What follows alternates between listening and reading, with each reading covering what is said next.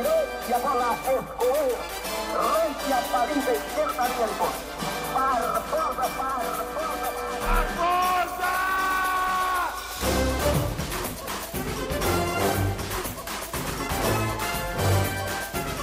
Pelés i Barboses.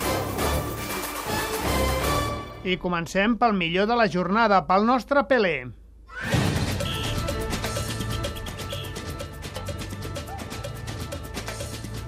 El nostre Pelé és... Tim Howard, el porter nord-americà que amb 35 anys va fer una exhibició contra els Estats Units i ja van unes quantes dels porters d'aquest Mundial. Si no arriba a ser per Tim Howard, Bèlgica hauria guanyat molt abans de la pròrroga. Ho va aturar tot durant els 90 minuts i el seu país ja hi va haver fins i tot que el proposava com a nou president.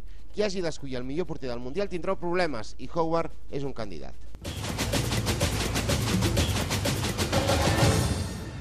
Busquem ara el pitjor de la jornada.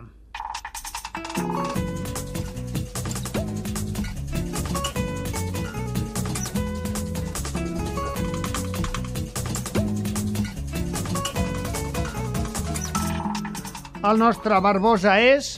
Chris Bondolovski, un altre nord-americà. Difícilment Bondolovski deu haver pogut dormir aquesta nit després de l'ocasió que va fallar amb 0 a 0 sol davant Courtois a la frontal de l'àrea petita. És veritat que Courtois li va reduir els espais ràpidament, però Bondolovski estava sol i ocasions així no es presenten en cada Mundial. Hauria estat injust per Bèlgica, però els Estats Units van tenir l'opció de passar a l'últim instant i Bondolovski va fallar.